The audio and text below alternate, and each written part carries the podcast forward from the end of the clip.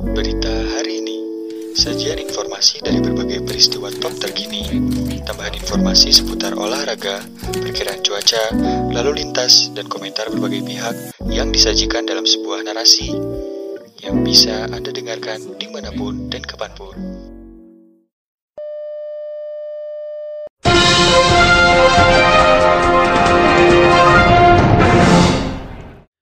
Pemirsa berita hari ini datang dari dunia nasional. Petugas dari Dinas Pencegahan Kebakaran dan Penanggulangan Bencana Kota Bandung berhasil memadamkan sumber api yang menyebabkan kebakaran di Gedung Bandung Electronic Center atau BEC, Jalan Purnawarman, Bandung, Kamis 18 Februari 2021 malam hari. Tidak ada korban meninggal dalam insiden tersebut, namun dua petugas keamanan atau Satpam Gedung Pusat Perbelanjaan Elektronik itu dievakuasi karena mengalami sesak nafas akibat kekurangan oksigen. Sebanyak 11 11 unit mobil pemadam kebakaran diterjunkan dalam kejadian ini. Api berhasil kita padamkan selama satu setengah jam, kata Kepala Diskar PB Kota Bandung Dadang Iriana. Berdasarkan informasi yang ia terima, titik api berasal dari area panel listrik di lantai dasar gedung. Kemudian api menjalar melewati dan mengarah ke area lantai dasar. Kami langsung lakukan tindakan untuk pemadaman. Penyebab kejadian diduga karena arus pendek pada genset gedung BEC, ujar Dadang. Dalam insiden tersebut, dua petugas ke keamanan BEC Bandung mengalami sesak nafas karena terlalu banyak menghirup asap kebakaran. Kedua security tersebut langsung dievakuasi ke mobil PMI. Ada dua petugas security sempat kehabisan oksigen tadi. Mereka sudah ditangani oleh tim medis, kata Dadang. Sebelumnya kebakaran melanda pusat perbelanjaan elektronik BEC Bandung Kamis 18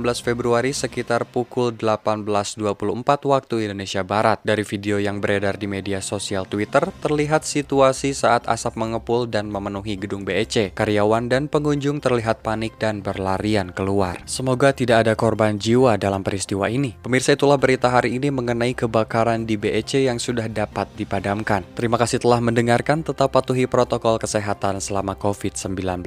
Untuk Anda yang ingin mendapatkan notifikasi berita hari ini, Anda dapat mengirimkan email dengan subjek notifikasi saya ke email terhubung berita hari ini at gmail.com secara gratis. Terima kasih telah mendengarkan, tetap patuhi protokol kesehatan selama COVID-19. Saya Zaid pamit undur diri sampai jumpa di berita-berita berikutnya.